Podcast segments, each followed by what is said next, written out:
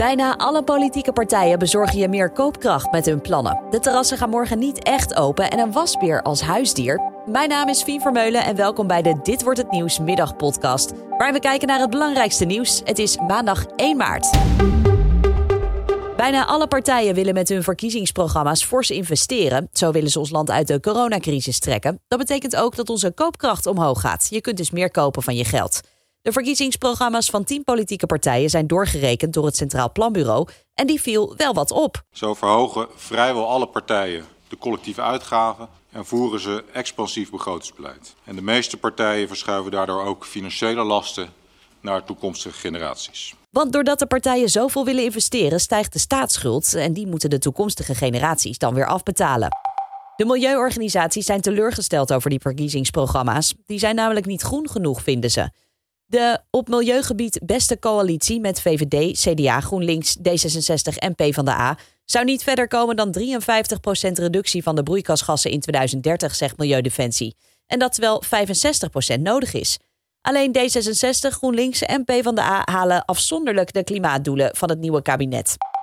De terrassen gaan morgen niet echt open. Vorige week werd er opgeroepen door een paar afdelingen van de Horecabond om de terrassen open te gooien, maar het wordt een ludieke actie. Dat zegt Koninklijke Horeca Nederland. Tientallen restaurants doen de terrassen open en zetten ze morgen op, maar je mag er niet gaan zitten en er wordt ook niks op geserveerd. Ze doen dat dus om een punt te maken naar de overheid. Die wil ze dicht houden, maar horecaondernemers vinden dat de terrassen buiten prima veilig open kunnen. Vanaf vandaag zou je eigenlijk belastingaangifte kunnen doen, want het is 1 maart. Maar dat ging dus mooi niet door, want de site van de belasting ligt er sinds vanochtend al uit. Ze hebben te maken met een grote storing waardoor inloggen niet mogelijk is. In totaal moeten er 8,3 miljoen mensen hun aangifte indienen dit jaar. En oud-president Donald Trump heeft gisteren zijn eerste publieke optreden gemaakt sinds zijn vertrek uit het Witte Huis. Een toespraak tijdens het jaarlijkse CPAC-congres. Daarin hintte hij naar een mogelijke deelname aan de presidentsverkiezingen in 2024. to declare that the incredible journey we begun together, there's never been a journey so successful. We began it together four years ago, and it is far from being over. Verder herhaalde Trump tijdens zijn toespraak zijn onbewezen claim dat de Democraten de presidentsverkiezingen van 2020 zouden hebben gestolen. Volgens een peiling zou de conservatieve achterban, als die nu zou moeten stemmen, Trump kiezen als de Republikeinse presidentskandidaat. Het weer dan nog van Weerplaza. Vanmiddag op steeds meer plekken zon. De gebieden die grijs blijven krijgen ongeveer 7 graden, terwijl het waar de zon schijnt 12 graden kan worden. Vanavond en vannacht ontstaan verspreid mistbanken en de temperatuur zakt naar het vriespunt.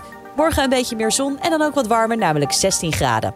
En dan nog even dit: een wasbeer als huisdier. Dat gebeurt dus steeds vaker omdat mensen zich laten inspireren door influencers die hun accounts spammen met exotische dieren. Stichting AAP kreeg het afgelopen jaar een record aantal meldingen binnen van exotische huisdieren. 82 om precies te zijn. Vijf jaar geleden kreeg de stichting in een jaar tijd slechts 27 meldingen. Bij die meldingen gaat het om dieren die zijn ontsnapt, die aangemeld worden bij een opvang, of dat een baasje belt dat het niet goed met ze gaat, omdat ze niet voor ze kunnen zorgen. Naast wasberen zijn ook wilde katten en speciale eekhoorns populair. Dit was de middagpodcast van maandag 1 maart. Heb je nou tips of feedback? Mail ons dan via podcast.nu.nl.